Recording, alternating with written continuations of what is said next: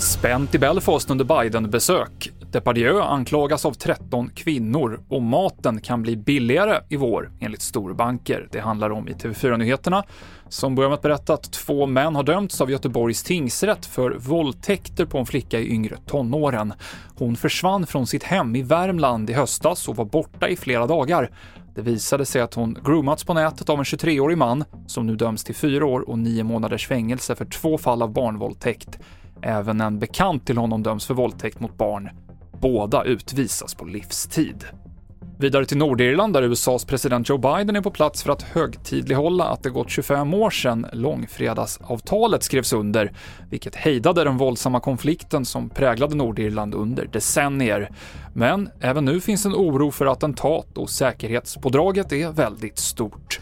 Det är känsligt dels för att det har varit oro och är oro över tid och många extremister har tagit chansen nu att visa sig på olika sätt. Vi vet också att unionisterna, alltså de som vill tillhöra protestanterna som vill tillhöra Storbritannien, ser Joe Biden som en vän vän av katolikerna mm. i Nordirland som vill ju tillhöra Irland. Och de ser, unionisterna ser Joe Biden som en part i målet och därför är det extra känsligt. Berättade vår utrikeskommentator Rolf Porseryd.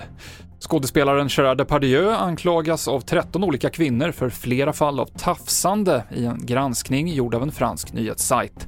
Det här ska ha skett under inspelningar av olika filmer och serier under 2000-talet. När kvinnorna har klagat på hans beteende har de fått höra att det är bara så typiskt Gerard, enligt artikeln. Och Depardieus advokater tillbakavisar alla de här anklagelserna.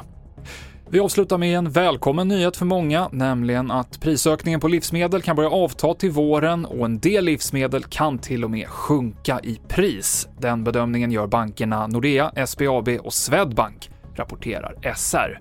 Senaste nytt hittar du på tv4.se.